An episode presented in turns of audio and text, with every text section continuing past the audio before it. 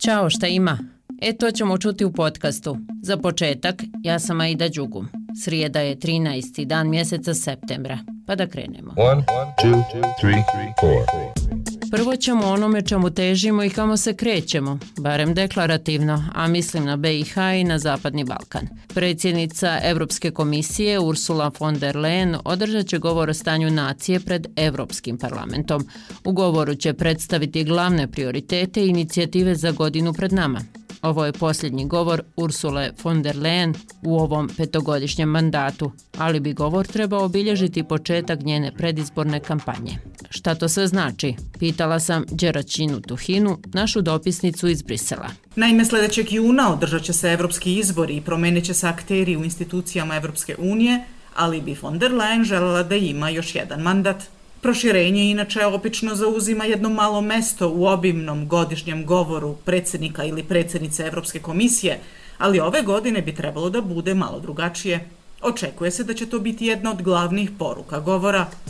A znači li to da će javnost možda čuti datume o eventualnom proširenju Evropske unije? Predsjednik Evropskog saveta Charles Michel je prošlog meseca najavio da bi Evropska unija trebala biti spremna za nove članice do 2030. godine, čime je očigledno ublažio važnost govora von der Leyen. U narednih nekoliko sati vidjet ćemo da li će ona biti dovoljno smela da spomene moguće datume za proširenje Evropske unije, tema koja je poslednjih godina bila veoma nepopularna, ali je dobila na značaju u svetlu ruske agresije u Ukrajini. Hvala Đeraćini, a u nastavku o BH zbilji.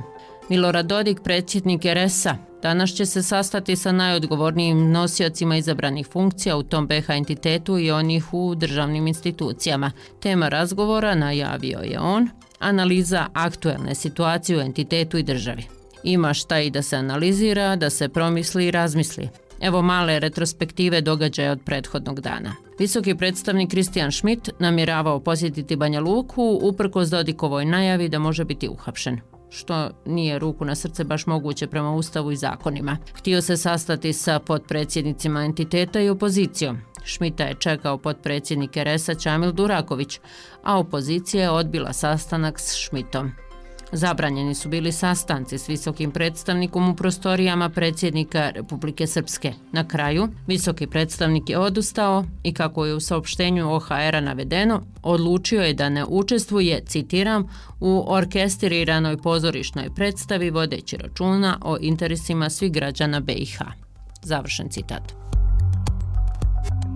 I tako, u Sarajevu će biti predstavljeno istraživanje o temi kako naprijediti pravne i društvene matrice za spričavanje femicida i rodno zasnovanog nasilja u BiH. Autori su Gorana Mlinarović i Denis Pajić. Golem je to problem o čemu govore i podaci Agencije za ravnopravnost polova u BiH.